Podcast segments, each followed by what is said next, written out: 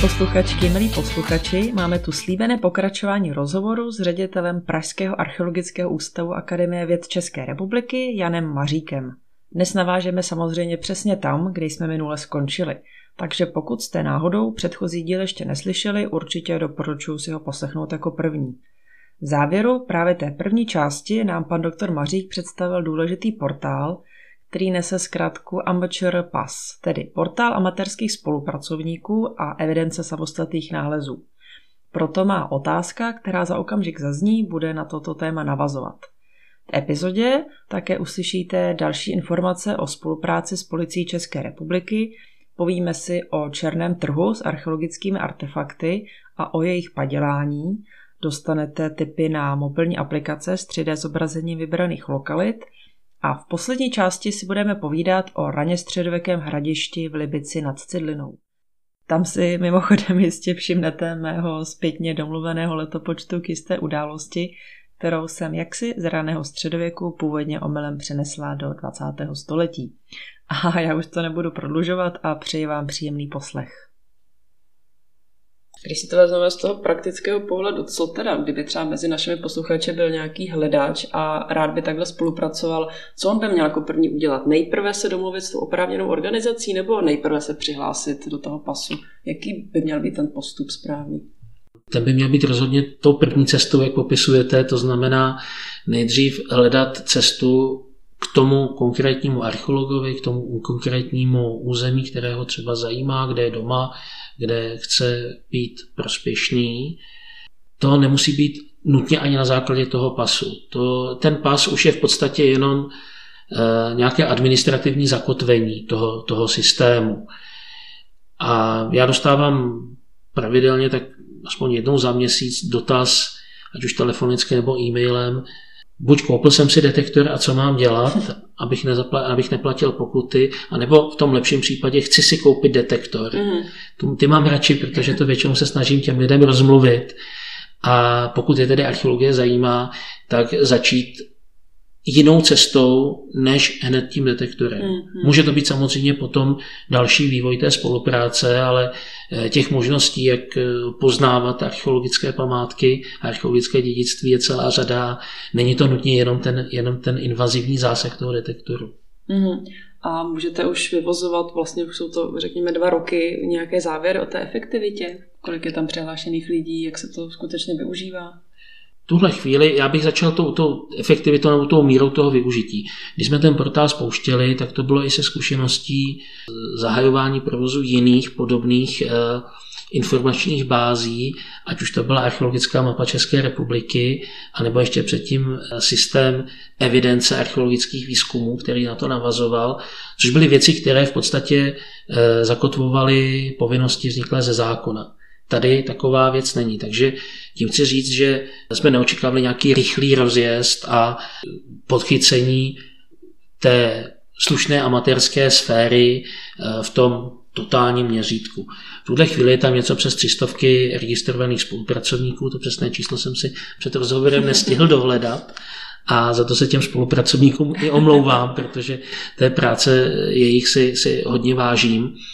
Tam je důležitý i ten, i ten druhý konec a to je ten výstup, který najde každý v digitálním archivu, kde se může podívat na kategorii samostatné nálezy a tam už je něco přes 1500 mm. nálezů, což je ale samozřejmě naprostý zlomek toho, co se při detektorové prospekci nachází. Myslím si, že tam je pozitivní trend, že ten počet těch spolupracovníků se navyšuje, ale my tam narážíme také právě na ty personální limity těch archeologických pracovišť.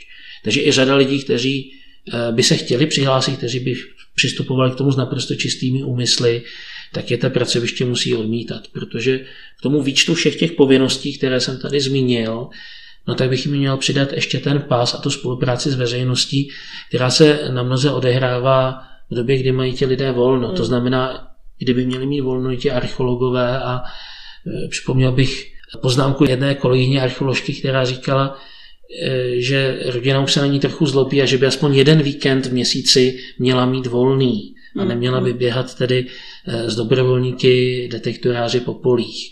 Takže tam zase nerážíme na tenhle limit a doufáme, že si to třeba uvědomí vlastníci těch nálezů, což v tomhle případě je z 99% jsou to kraje a že kraje začnou tuhle tu činnost nějakým způsobem intenzivně podporovat.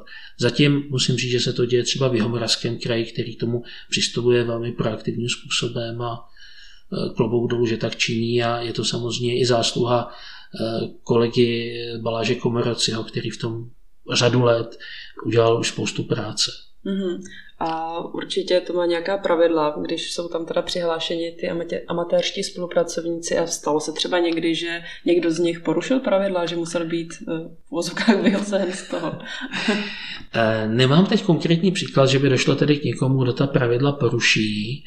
Ono vůbec zjistit, že někdo ta pravidla poruší, je velmi obtížné. Já třeba z vlastní zkušenosti, kdy jsem spolupracoval s dobrovolníky na řízeném archeologickém výzkumu, tak jedním z těch pravidel bylo, že jsem jim velmi vděčný, že tady ten den jsou a pomáhají, ale že pokud by se na té samé lokalitě objevili po tom, co tady skončíme, takže budu s veškerou přísností s nima nakládat jako s jakýmkoliv jiným hledačem, který se tam objeví nelegálně. Mm-hmm.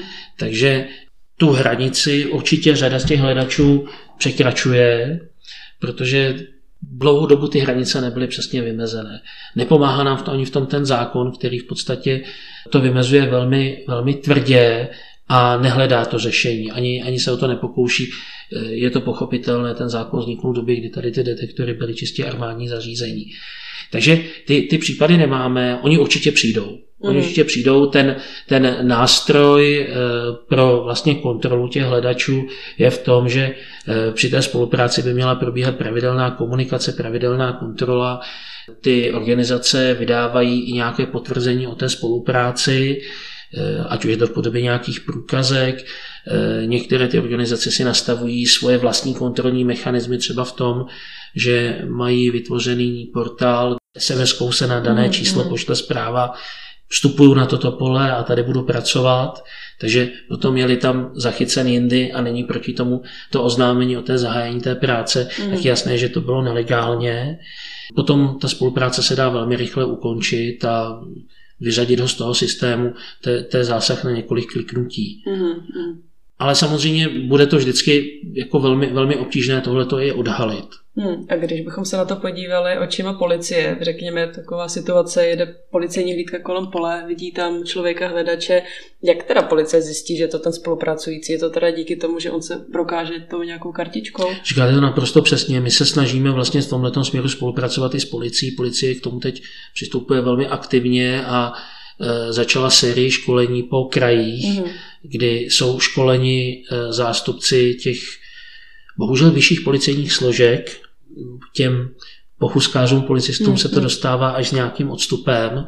Ten základ je zjistit, z jakého důvodu ten člověk potom poli chodí s tím detektorem. On to samozřejmě nemusí být jenom z důvodu toho, že vyhledává archeologické nálezy, Pomíním to, že někdo se vymlouvá, že vyhledává jenom věci z druhé světové války, i to je archeologie, ale může hledat i jiné věci, takže nejdřív je potřeba vůbec zjistit, proč tam ta činnost probíhá Potom tedy zda to je pokryto nějakou oprávněnou organizací, ale my jsme vlastně pořád v situaci, kdy těm policistům musíme vysvětlovat, že i to samotné hledačství, vyhledávání archeologických nálezů je e, v rozporu se zákonem. E, v posledních letech musím říct, že se to výrazně posunulo, dokonce policie na úrovni těch operačních důstojníků na těch jednotlivých okrscích už mají zvláštní příznak nebo hodnocení situace, mm. kdy eh, oni k tomu šetřenému případu mohou dát prostě příznak ve stylu domácí násilí, mm. tak už je tam i příznak detektorář,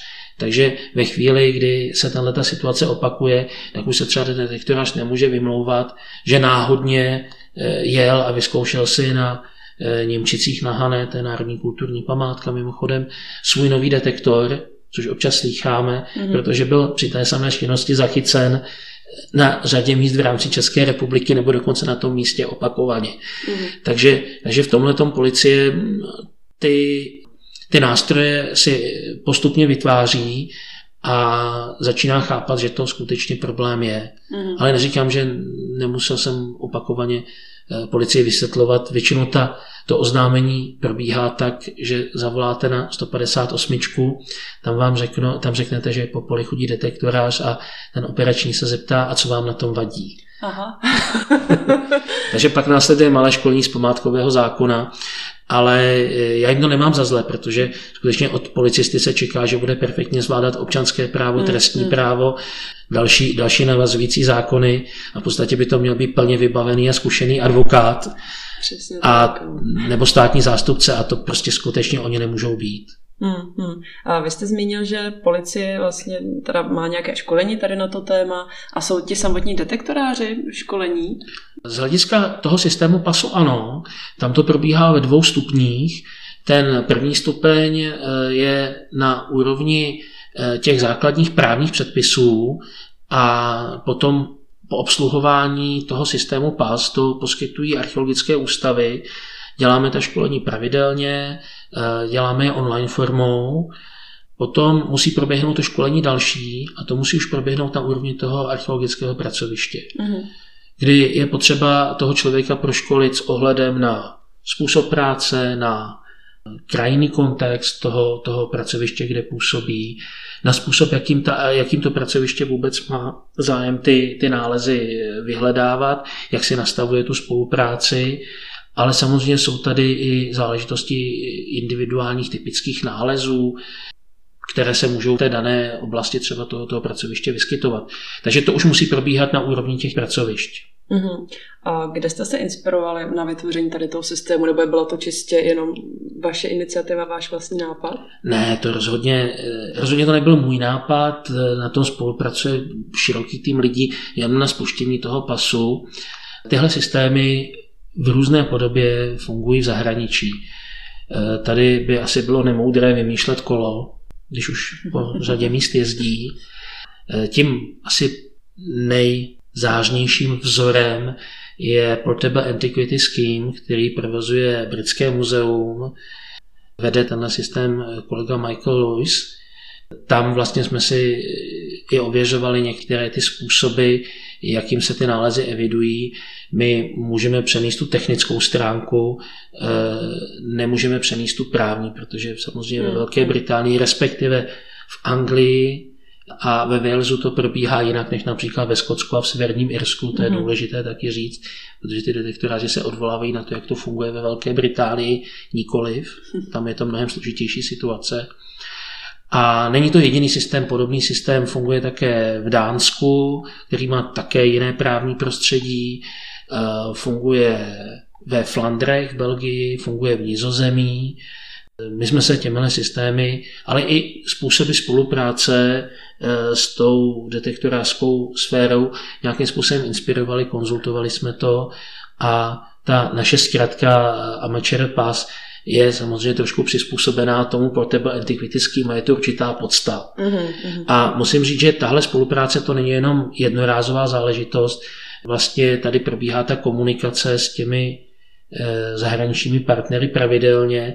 A když už jsem tady zmínil Michaela Luise, tak eh, i protože on pravidelně i posílá dotazy, co je nového. Mm-hmm. A zajímá se o to, jakým způsobem to probíhá v jiných zemích. Mm-hmm. Jenom pro srovnání těch našich 1500 nálezů v tom systému Portable Antiquity Scheme, tam je to něco už přes 1,5 milionu mm. aktuálně, takže to je úplně jiné číslo, ale je to taky záležitost eh, mnohem delšího času, kdy celý ten systém funguje. Mm. Ta situace u nás, nebo ten přístup k tomu je vlastně poměrně vstřícný, když to srovnáme se situací na Slovensku, kde vyhledávání pomocí detektoru kovů je trestný čin, jestli se nepletu. Je to trestným činem, tam těch trestných činů v souvislosti s archeologií je víc který má v sobě trestní zákonník slovenský. Zajímavé je, že ta reálná situace se slovenská a česká se až tak příliš neliší. Mm, to, to znamená, to, co se odehrává v terénu, mhm. je, je víceméně podobné. Bohužel díky tomu velmi striktnímu zákazu se teď děje to, že některé třeba slovenské nálezy typicky z toho slovensko-moravského pomezí, tak jsou deklarovány jako české. Ty nálezy jsou nabízeny na, v rámci černého trhu v Čechách nebo mimo, to, mimo, mimo Slovensko a do značné míry to i znesnadňuje tu komunikaci uh, slovenským kolegům, protože mm. prostě je to, je to v úrovni trestního zákona. Já se snažím hledat nějaká srovnání, jak ten detektorový uh, fenomén funguje a tady do značné míry nacházíme srovnání s drogovou problematikou. Můžete drogy zakázat, ale oni tady budou pořád. A velmi podobně je to s těmi detektory. Všechny ta řešení, která jsou čistě silová, hmm. jsou v podstatě neefektivní, protože zároveň ten detektoring, na rozdíl od těch drog třeba, není vnímán jako společensky závažná a nebezpečná činnost. Protože když jsme tady mluvili o tom porušování zákona, co je závažné, co není závažné, tak to, co spáchá ten jeden detektorář, tak ta tam společenská eh, nebezpečnost je relativně velmi nízká. Problém je v množství těch přestupků, které vzniknou a v té mase probíhajících zásahů a škod. A to se velmi obtížně vysvětluje i na té represivní stránce. Takže já chápu ten slovenský přístup. Pro nás je to i velmi zajímavé srovnání. Myslím si, že by české legislativě neškodilo, aby některé skutky, které poškozují archeologické dědictví, byly třeba zahrnuty i do trestního zákona. To by bylo určitě dobré, ale i u nás to není zcela beztrestná činnost, protože ten samotný detektoring je v úrovni přestupků, ale i u nás jsou vlastně trestné činy, které na to přímo navazují. Tím nejzávažnějším je zatajení nálezu a to zatajení nálezu může být odměněno sazbou až do 8 let. Pokud máme na Slovensku 10, tak se to až za stolik mm-hmm. neliší. Jiná věc je, jestli se tyto tresty udělují a oni se neudělují ani u nás, ani na Slovensku mm-hmm. v téhle uh, drakonické výši. A u nás máme představu nějaké třeba největší výši pokuty, která byla udělena? Máme. Uh, tyhle přehledy pravidelně dělá pan Patrik z Dětí země a mm. prezentuje je na archeologických fórech, protože on je zároveň vzděláním archeolog. Takovýhle přehled publikoval naposledy kolega z Archeologického ústavu v Brně Robert Antal. Ty nejvyšší pokuty sahají někam ke 20 tisícům korun a zabavení toho detektoru. Mm-hmm.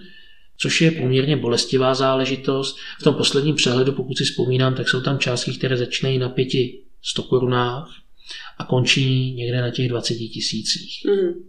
A vy jste zmínil ten černý trh s nálezy. Asi by bylo bláhový si myslet, že u nás takový trh není. A máme třeba představu, kam jde teďka, kdybychom se na to podívali z toho celosvětového měřítka, kam jde největší výtěžek z toho nelegálního prodeje těch starožitností. Tohle je samozřejmě otázka hlavně na kriminalisty. Pokud se představit, kam mizí ty nálezy, mm, protože to je jedna z těch základních otázek. Ty nálezy, které jsou vyzvednuté v terénu, odhadujeme na nějakých 100 tisíc ročně. Je to ohromný počet těch archeologických nálezů. Z větší části mizí do soukromých sbírek. Mm. Jsou to takové pofidérní sbírky, které někdy mají podobu dekorací v obýváku, někdy je to v krabici pod postelí. A jelikož ten detektorový fenomén tady běží od 90. let, tak už nám někteří ti lidé buď se tomu, tomu přestali věnovat, nebo odcházejí úplně, takže ty věci se dostávají do dědických řízení, stávají se předmětem rozvodových řízení a vyrovnání majetku, to je celá konkrétní zkušenost. Mm-hmm. Vlastně se nám na ten trh nějakým způsobem dostávají, i když by se dostávat tedy neměli. Takže do určité míry může existovat i ten legální trh a to je většina těch nálezů. Ty nálezy exkluzivní povahy, ty se dostávají i na zahraniční aukce. Dneska už to výrazně se snížilo, protože eh, mluvím o archeologických artefaktech s výjimkou jednoho, který ještě zmíním, eh, kdy prostě s počtem těch nálezů i ta jejich cena na tom trhu klesá. Takže ten zájem už není takový, aby se nabízely v aučních síních eh, v Míchově, ve Vídni, s popiskou Ausböhmen. Většinou to končí skutečně na té, na té takové té šedé zóně, protože většina těch nálezů, jejich hodnota se pohybuje v řádech 100 korun nebo jednotek tisíců. Ale je tu jedna výjimka, kterou je potřeba zmínit, a to je numizmatika. Ta numizmatika do toho vstupuje úplně jinak a ty numizmatické nálezy jsou obchodovány a vstupují i do toho mezinárodního obchodu, Dokonce bych připomněl jeden článek, který vyšel na internetu na E15, mm. který doporučuje nakupovat keltské mince. Já jsem si to tak jako pro sebe schrnul, že to prezentují jako jakési pravěké bitcoiny, protože jich je relativně dost na to, aby se s tím dalo obchodovat, ale zároveň jich není tolik, aby jejich cena klesala. Uh-huh. Ta spíš roste. Je to doporučované v pětici nejlepších investic z hlediska zhodnocení. Zajímavé je, že do té redakce jsem psal s poměrně důraznou výtkou, že v podstatě je to nabadání nebo podpora trestné činnosti. Nikdo neodpověděl, nebyl zájem. Tam určitě dochází i ke všem těm negativním vlivům, co popisujete a myslím, že od téhle úrovně, minimálně od téhle úrovně, se Česká republika zapojuje do toho skutečně vážného a problematického mezinárodního obchodu s archeologickými artefakty, který má spoustu negativních průvodních jevů. Začíná to tím, že tyhle finance směřují skutečně do sféry organizovaného zločinu. Dokonce příjmy z památek jsou vedle příjmu z obchodu se zbraněmi a s drogami eh, vlastně je to třetí nejvýnosnější eh, komodita v tom organizovaném zločinu. Ten pohyb těch památek je na některých konkrétních případech velmi dobře zmapován a je vidět, že ty památky putují po celém světě, dokonce se skrývají třeba nějakou dobu ve skladech, aby se zhodnotili zpětně. Jsou to památky jednak vykradené z archeologických nalezišť, ale i třeba z muzeí. Mm-hmm. Typicky jsou to ty oblasti, které jsou zmítány válkami, jako je třeba Sýrie a podobně. A jelikož jsou tyhle ty předměty žádané, tak zároveň tenhle trh je velmi zásadním způsobem poškozen dalším efektem a to je padělatelství. Tady malá odbočka na Slovensko. Na Slovensku padělání archeologických nálezů je trestným činem. A tyhle odhady se pohybují někde kolem 30% toho, co se pohybuje na tom černém až šedém trhu, tak eh, přibližně 30% z toho jsou padělky. Existují profesionální padělatelské dílny, ta nejpopulárnější pro naše území, tak to byla na tom Slovensku. Mm-hmm. Protože vlastně na to i Slovensko takhle reagovalo tím zahrnutím do trestního zákonníku. Ale není jediná. Padělatelská dílna byla nalezena například v Bulharsku, taky na mince. Máme tady zkušenost s padělanými meči vlastně z Ukrajiny. Tady, že... ten, ten nám dokonce tady nabídli k prodeji. Hmm. A pro nás to byla dost novinka. My jsme s tím nevěděli rady jestli to je nebo není padělek a vlastně nás na zem usadil kolega ze Švédska, který ukázal, že ve Švédsku, kde je mnohem větší kupní síla, se tenhle ten obchod rozbudil neuvěřitelným způsobem a tam se prodávají desítky těchto padělaných, uh, padělaných artefaktů. Hmm. Dokonce vyjádření uh, z Libanonu z roku 2016 ředitel ochrany památek uváděl jako příklad, že v roce 2016 ze Sýrie přišlo eh, celá řada archeologických artefaktů, které tam přivezli lidé, kteří prchali a 90% z toho byly padělky. Je to, je to takové vysoké číslo. Eh, kolegové na Balkáně, eh, to, co jsem říkal třeba s tím Bulharskem, to je samozřejmě jenom vrchol ledovce. Tam odhadují, že taky přibližně těch 30% toho, co jsou padělky mincí, tak se běžně v tom trhu, do toho trhu zapojili a jsou prakticky nerozpoznatelné. Tam se používají třeba i autentické materiály, typicky třeba u těch bronzů. Přetavují se samozřejmě u toho zlata, je to trošku složitější, ale pořád zhodnocení eh, slidkového zlata, zlata přetaveného, třeba i na tu keltskou minci, tak eh, je enormní. Takže ty padělky budou velký problém a dělat si iluze, že archeolog pozná bez eh, specializovaných analýz hmm. a možná často ani ne s nimi, tak to je naprostá naivita. Archeolog, který říká, já to poznám, já mám takovou zkušenost, tak si myslím, že rezignoval na své odborné schopnosti a znalosti. Mm-hmm. To už je na hranici šarlatánství. Mm-hmm. To, co, to, hmm. co se děje. Třeba s tím mečem, který bych tady zmínil, tak vlastně tam nám pomohlo až eh, konzilium několika lidí, specialistů, od technologie výroby, od archeologa, který se věnuje těm zbraním po té archeologicko-typologické muzejnické stránce, přes e, některé chemické analýzy, tak vlastně se podařilo na tom meči odhalit, že každý těch specialista tam viděl nějaký problém. Mm-hmm. ale nebyl schopen rozhodnout jednoznačně, jestli se jedná nebo nejedná o padělek. A teprve kombinace a navržení některých těch průzkumných metod eh, ve finále vedla k tomu, že jsme mohli spolehlivě říct, že to je padělek. Mm-hmm. Ten padělek byl naprosto dokonalý. A upozornil bych asi tady posluchače, pokud eh, by měli někdy nějaké nutkání si archeologický suvenýr přivízt dovolené, eh, typicky z východního středomoří, ze severní Afriky, nedělejte to. Bez velkou pravděpodobností si přivezete padělek, ale je taky dost pravděpodobné, že pokud to bude zachyceno na letišti, tak strávíte poměrně značnou dobu nějakým vyšetřovacím zařízením v těchto zemích a příjemný pobyt to není. Malý příklad, který jsme řešili s kolegy z Islandu, tak byli islandští turisté, kteří byli zachyceni jenom protože měli batohu kámen, který připomínal palec od nohy a bylo podezření mm. od tureckých orgánů, že to je socha. Mm. Nebo že je to kus ze sochy. No a strávili tam několik dní v, v, v letištním vězení v Istanbulu, nebylo to nic pěkného. Stejně tak není dobrý doplněk na cestu detektor kovů. Eh, před pár lety byli takhle zachyceni čeští turisté eh, na území památky na Krétě, což by si možná ani nikdo nevšiml, kdyby ještě nevlezli do vojenské oblasti. A opět to skončilo trestním stíháním a byla to poměrně veliká ostuda. Stejně nekompromisně přistupují k detektorům kovu mnohem větší přísností než u nás. Kolegové v Itálii, v Chorvatsku a v dalších zemích. Nebalte si je na cesty. Vy jste tady zmínil ta média, zmínil jste ten deník E15.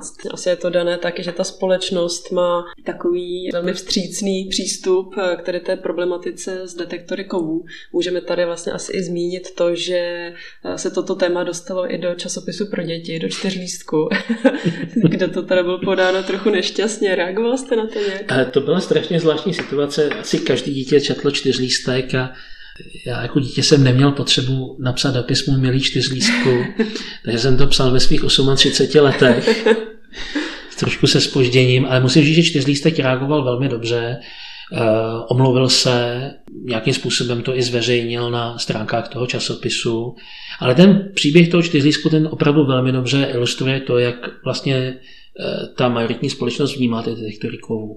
Vlastně to nikdo nevnímá jako problém, mm. protože v těch jednotlivostech to skutečně problém není. Ale já bych ještě zmínil jeden případ, který je docela zajímavý, a to byl jeden obchodní řetězec, který se rozhodl zahrnout do akční nabídky i detektory kovů. Detektory kovů za velmi výhodnou cenu. Ten řetězec pravidelně nabízí řemeslnické nářadí a nejrůznější stroje a nabídnul tedy detektor kovů, který nebyl vůbec špatný a za částku v podstatě zlomkovou k těm detektorům, který se běžně používají. Řetězec reagoval velmi vstřícně na naší, naše upozornění, že se tím může jejich zákazník dostat do nějakého konfliktu se zákonem a nechal si od nás v rámci dní vypracovat něco jako příbalový leták nebo text pro příbalový leták, k tomu detektoru, mhm. který upozorňoval na všechny ty aspekty. Já chápu, že to nemohli z toho trhu stáhnout, že by měli velkou škodu. Dali to i na internetový obchod, kde prodávali ty detektory, ale co hlavně, i když ten neslíbili stažení z trhu, já jsem se snažil v nějakém tom obchodě po téhle komunikaci ten detektor najít. Nikde nebyl v nabídce. Takže patrně tam proběhlo i to, i to stažení z toho trhu. Mm-hmm. Vlastně už nikdy eh, to ten obchod nenabídnul znova jako akční zboží. Mm-hmm. Takže, takže ty, ty řetězce to vnímají tak, že nechtějí mít špatnou pověst, nestálo jim za to mít s tím nějaký problém. Takže není to jenom čtyřlístek, tady to byl, tady to byl krok, který určitě ten řetězec i dost finančně zabolel. Mm-hmm. Já bych jenom se zeptala na poslední otázku, co se týče tady toho tématu. Vy jste sám zmínil, že tady sám spolupracujete s proškolenými detektoráři. Jaké jsou vaše zkušenosti osobní s nimi? Já jsem s tím začal někdy kolem roku 2009, kdy jsem patřil k těm archeologům, kteří říkali, že ten detektor je v podstatě dost velké fuj a e, detektoráři pro mě byli jako celá ta skupina velmi negativně vnímaná komunita a jeden z těch spolků, respektive zástupce jeden z těch spolků, se objednal na návštěvu a chvilku jsme diskutovali, chvilku jsme velmi zrušeně diskutovali A on řekl, tak proč to neskusit, když říkáte, že teda se to dá dělat e, i organizovaně a vlastně s tímhletím spolkem jsme začali a s řadou dalších dobrovolníků, kteří se na to navázali, e, průzkum právě v hradišti, na hradišti v Libici nad Cidlinou, kde jsem měl tu možnost vlastně se i poučit, jak vůbec to hledání probíhá v tomhle rozsahu a e, jakým způsobem vlastně detektory zasahují do toho terénu, kde je ta nebezpečnost těch detektorů, kde je jejich e, výhoda. Takže pro mě to bylo ohromné poučení, i poučení z hlediska té komunity. Jeden z těch příkladů, který bych uvedl, že ten detektorář, který spolupracuje na této dobrovolnické bázi, že pro ně je vlastně zážitek to hledání ne ten samotný cíl. Ta šance, že někdo zatají něco v průběhu toho hledání je relativně malá. To, to ukázal jeden z těch hledačů ve chvíli, kdy našel raně středověký denár, tak odhodil ten detektor a v poli běhal v kruzích a křičel, našel jsem denár. Takže ta představa, že najde ten denár, a nepochlubí se všem těm mm. ostatním kamarádům. S kamerou tváří to zandá. A s kamerou tváří to zandá do kapsy, tak je poměrně malá. Mm. A tenhle první průzkum měl ještě jednu hezkou dohru. Je mě e, upozornil kolega z Moravy, že mince z toho průzkumu se hned po víkendu objevily na internetu e, a jsou nabízeny. Opět byla to záležitost delšího času, kdy teda zaprvé jsme si s tím vedoucím toho spolku vyjasňovali, že jsem jim naletěl ale pak se ukázalo, že to byla akce té, řekněme, černě detektorářské skupiny, mm-hmm. která se snažila tuhle spolupráci rozvrátit. Mm-hmm. A že to bylo v podstatě jenom falešné naštění, ale to jsem se dověděl až se spožděním několika let. Mm-hmm. Že se to takhle vysvětlilo. Tak kdybychom teďka opustili tady to téma a podívali bychom se na vaše pedagogické působení, tak mě docela teda zaujalo, že mimo jiné vysoké školy přednášíte i na Vysoké škole chemicko-technologické. A jak to vzniklo? Vzešla nějak ta poptávka o přednášce zaměřené na archeologii od nich? Eh, vzešla od nich a byl to v podstatě požadavek, který připutoval na archeologický ústav na vedení. Mm-hmm. Pak následoval takový ten e-mail, kdo by se toho chtěl ujmout, tak jsem to zkusil nabídnout jako zajímavou zkušenost. Ty přednášky jsou pro eh, studenty Ústavu technologie restaurování, mm. kdy oni dostávají eh, nějakou základní informaci i o různých typech kulturních památek, takže mají základy numizmatiky, kterou jsem tady už zmiňoval opakovaně, eh, dějin umění, archivnictví a vedle toho musí absolvovat i předměty, které jsou nesrovnatelně těžší. A tím navázal na jednu věc, že já tam přednáším hrozně rád, protože většina těch studentů, drtivá většina, s kterými jsem se za tu dobu setkal, tak je velmi dobře připravená, velmi motivovaná a je tam skutečně radost přednášet. Mm-hmm. To velmi příjemné prostředí. Mm-hmm. A myslíte, že se vám třeba i daří nějak prostřednictvím těch přednášek nalákat studenty, aby se přímo zabývali archeologickým materiálem? Eh, ten kurz je už v rámci magisterského stupně, mm. takže řada těch lidí už má tu svoji specializaci vlastně určenou. Ta specializace se většinou odvíjí od materiálu, takže eh, specialisty na papír asi už nepřesvědčím, ale ono to není potřeba. Ono ten, ten, ten zájem o tu archeologii tam trvale je. Mm. Řada těch lidí z VŠKT potom přichází ať už na brigády nebo na nějakou praxi i do našich restaurátorských laboratoří a ti absolventi VŠKT už dneska jsou i mezi, mezi našimi zaměstnanci. Mm-hmm. A máte v rámci vašeho pedagogického působení pocit, že ve výuce na něco kladen třeba malý důraz? Já si myslím, že eh, neštěstí, no, neštěstí současného vzdělávání budoucích archeologů je v ohromné roztříštěnosti. Mm-hmm. Těch míst, kde se to vzdělání dá dosáhnout, je poměrně hodně. Není tam velká koncentrace zájmu, bych řekl. U řady lidí je ten zájem skutečně okrajový a v podstatě jim jde o absolvování toho studia, aby získali ten diplom, aby získali ty písmenka před nebo dokonce za jméno a tím vlastně ten zájem pro tu archeologii končí. Takže si myslím, že tam je jeden z těch problémů a ten druhý problém, to je asi obecně problém vzdělávání, je poměrně slabá příprava na tu skutečnou realitu, mm. na tu praxi. S tím se setkávám opakovaně, vidím to poměrně silně třeba z hlediska toho, té nedostatečné přípravy legislativní. Ta povědomost o tom právu, a není to jenom právo e, spojené s památkovou péčí, ale obecně ta právní příprava je, řekl bych, že na nedobré úrovni. Potom to, co chybí, je i větší zkušenost těch archeologů v terénu a bojím se, že pořád na řadě těch škol Samozřejmě jsou tady velmi světlé výjimky, aby se nikdo neurazil. Tak platí to, co říkal pan doktor Kalfers, že ty první dva roky ten archeolog víc ničí, než nachází. Mm-hmm. A tam bych určitě viděl velkou šanci třeba i pro ty absolventy bakalářského studia. To, co na archeologických výzkumech zoufale chybí, tak jsou eh, třeba technici. Lidé, kteří eh, jsou schopni po té terénní stránce ty výzkumy i vést, zajišťovat jejich kvalitní úroveň. Ti se rekrutují v tuto chvíli spíš ze zkušených dělníků, kteří si to v tom terénu silně odpracují a pokud bych vedle sebe postavil zkušeného technika a absolventa magisterského studia a přemýšlel, komu mám dát vést výzkum, tak tomu technikovi bych asi dal přednost. Mm-hmm, tomu rozumím. Vy se také, už to, už to tady teda bylo zmíněno, že se zabýváte moderními technologiemi, jako je 3D vizualizace, virtuální realita, a jaký je ten přínos v archeologii? Samozřejmě, když pomineme ten čistě popularizační, tak jaký to má význam badatelský?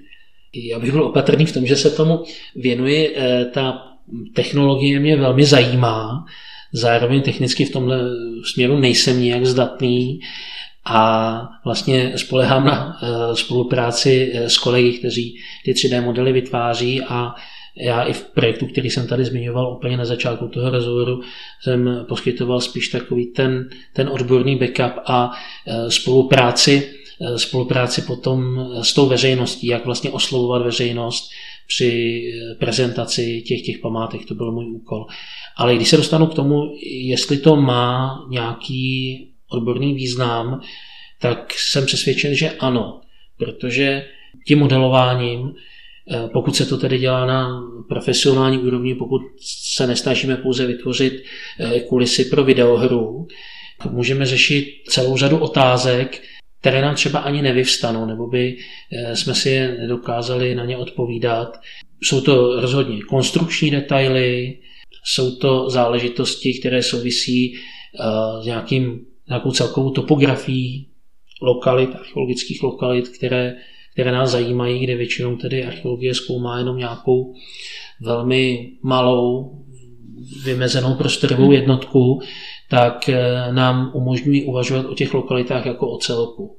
Eh, z hlediska zástavby, z hlediska zázemí surovinového, z hlediska třeba i dostupnosti vody a dalších, dalších parametrů, které to sídliště muselo nějakým způsobem museli řešit. Takže tam nám to eh, umožňuje dát hranice našim úvahám v těch lokalitách jako o celku. Tam si myslím, že to je velmi cené. Mm-hmm.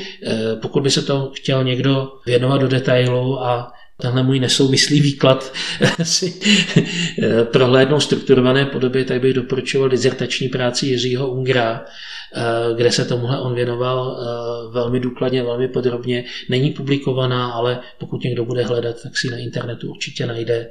Je v repozitářích Univerzity Karlovy. Uh-huh, uh-huh. A mohl byste dát nějaké typy, když to zase teda teď budeme směřovat k té veřejnosti, kde by uh-huh. si naši posluchači mohli prohlédnout nějakou 3D vizualizaci? Já začnu od těch eh, nejstarších, které se připravovaly tady na archeologickém ústavu tak je to eh, aplikace pro sídliště v Bilanech, u Kutné hory, neolitické sídliště.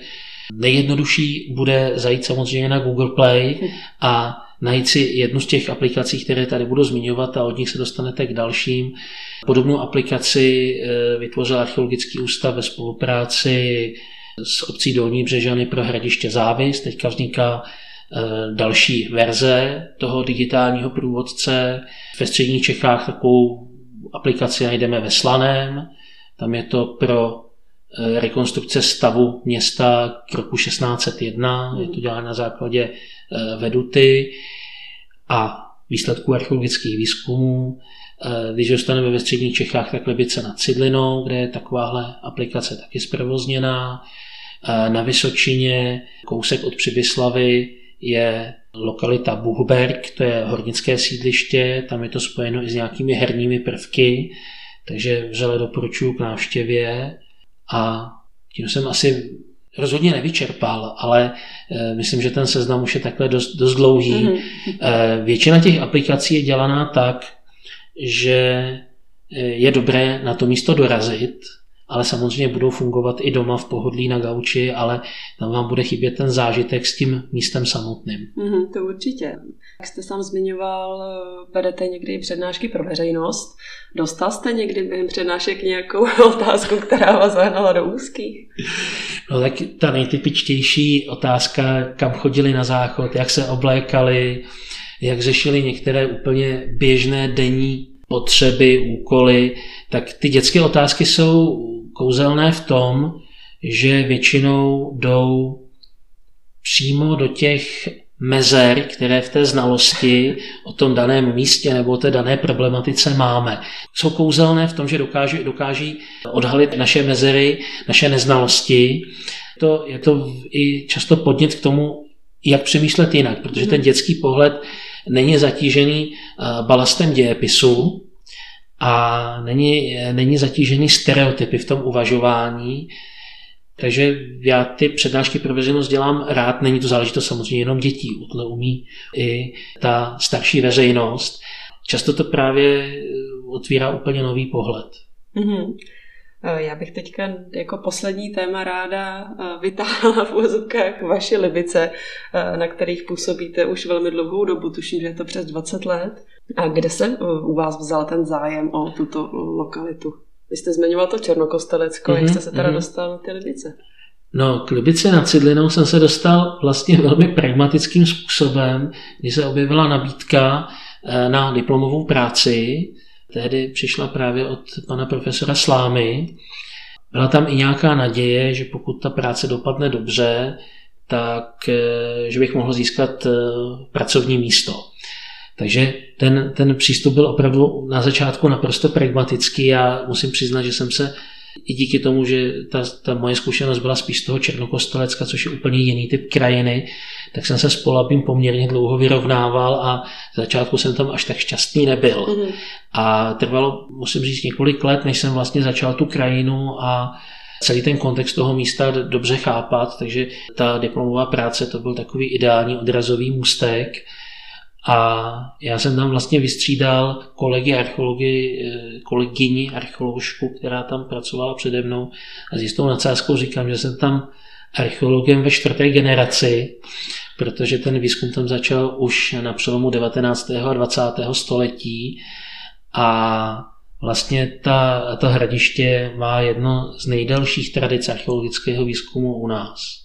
V jakém rozsahu je to místo proskoumáno, jestli se to dá povědět? Tak patří mezi nejlépe proskoumaná mm. česká hradiště, to znamená, že plošným archeologickým výzkumem nebo odkryvem je tam proskoumána asi 5% plochy. Mm. To zní jako nepatrně, ale je skutečně zatím práce těch několika generací archeologů a já jsem asi nepřispěl až tolik k rozšíření těch ploch, ale měl jsem ohromné štěstí, že jsem mohl tu práci těch několika generací zhodnotit, zvlášť tedy eh, práci eh, paní Jarmely Princové Justové, která tam velmi důkladně a systematicky mapovala všechny stavební aktivity, i ty s negativním výsledkem, takže to mi vlastně strašně pomohlo při eh, mapování zázemí hradiště a při sledování vlastně rozsahu a celé té aglomerace a její struktury. Takže eh, to bylo, bylo úžasné vlastně na tuhle práci navazovat. Mm-hmm. Předpokládám, že musíte asi velmi často, co se týče této lokality, odpovídat na otázku, jestli můžeme archeologicky nějak potvrdit událost, která se tam měla dle Kosmy odehrát v roce 995. Je to možné? Eh, překvapivě na tuto otázku už nemusím odpovídat libickým, mm-hmm. protože oni už to vědí. Většina dobře informovaných libických obyvatel je na úrovni minimálně pro semináře z archeologie, mm. takže asi moc, moc nepřeháním. Takže tahle otázka, ta se skutečně na tom archeologickém materiálu řešit vlastně nedá. Protože není tam nějaká výrazná stopa, která by ukazovala katastrofický zánik té lokality. což nijak nepopírá tu tragickou událost, která se ten v roce 995 stala. Není tam žádná stopa po, po, tedy po vypálení, po likvidaci toho místa, tak jak to popisují někteří legendisté, ale on je to spíš očekávání těch legendistů. Ani ti legendisté to takhle tvrdě vlastně ten zásah nepopisují, nepopisují vypálení celého hradiště, pouze likvidaci té knížecí rodiny. Mm, jo, jenom pro posluchače se tady samozřejmě bavíme o vyvraždění slavníkovců. Slavníkovců, ano, ano. Což jsme ještě teda nezmínili. A z této lokality teda pochází, jak jste zmínil, ta nádoba, kde díky mm-hmm. různým analýzám byly objeveny zbytky medu a jiných potravin. A co třeba takhle zajímavého uh, jste tam ještě nalezl? Samozřejmě těch předmětů je určitě velká řada, myslím, že to něco vypíchnout. Já bych vypíchnul, co se tam nalezlo, není mhm. to moje zásluha, ale jsou to některé unikátní e, záležitosti související s kostelem, který byl odkryt Rudolfem Turkem na hradišti. Jsou to například nápisové stély, které mohou vidět návštěvníci Národního muzea ve stále expozici. Je to naše nejstarší epigrafická památka. Eh, ty nápisové stely jsou naprosto unikátní i z toho důvodu, že vlastně na jiné podobné lokalitě nemáme nález takhle souvislého textu, který by pocházel z 10. století. Mm. A je s tím spojeno i malé tajemství, že my vlastně nevíme, co na těch stélách je napsáno, protože jsou natolik fragmentární, že tam máme pouze několik málo písmen, mm. které nám jsou schopny datovat ten nález samotný. Už nám neřeknou, co na tom, co na tom stálo, ale to samo o sobě, ta úžasná skutečnost je, že tam takhle souvislý text byl veřejně vystaven, protože to znamená, že to prostředí toho hradiště v tom prostředí toho hradiště museli žít lidé, kteří byli schopni si ten text také přečíst, nebo se to od nich alespoň očekávalo. Hmm, hmm. Z těch nálezů bych zmínil libické eh, dotazy, typické dotazy libických občanů, které nesměřují k těm zabitým slavníkovcům, ale k hledání mincovny. Nemohu říct, že bychom měli identifikovaný nález té mincovny, ale máme díky těm povrchovým průzkumům, kde tedy i ti detektoráři se hráli poměrně výraznou úlohu, vymezený prostor, který je v rozsahu asi jednoho hektaru, kde se nachází stopy intenzivní Eh, činnosti eh, spojené se zpracováním neželezných kovů. To znamená, že jsou tam slidky stříbra, jsou tam slidky mědi, eh, i zlata, různý výrobní odpad a patrně někde v tomto prostoru bychom mohli najít i tu mincovnu slavníkovskou, která je dalším vlastně takovou anomálí té lokality, protože je to vlastně jediná mincovna, nejenom na našem území, ale v nějaké širší středovýchodní Evropě, kde eh, mince razí někdo, kdo není panovník, kdo není ten svrchovaný vládce, ale je to vlastně knížecí rodina, která spravuje jenom nějaké malé a z hlediska té, té organizace podřízené území. Takže tohle je velká zvláštnost eh, samotná ražba mincí a musím politováním říct, že na Libici se ještě nepodařilo najít jedinou minci slavníkovskou. Mm-hmm. Máme mince z Bavorska, máme mince přemyslovské a ty slavníkovské nám tam pořád chybí. Mm-hmm. Probíhá na té lokalitě ještě nějaký výzkum nebo plánuje se? To je vlastně potřeba rozdělit do dvou částí.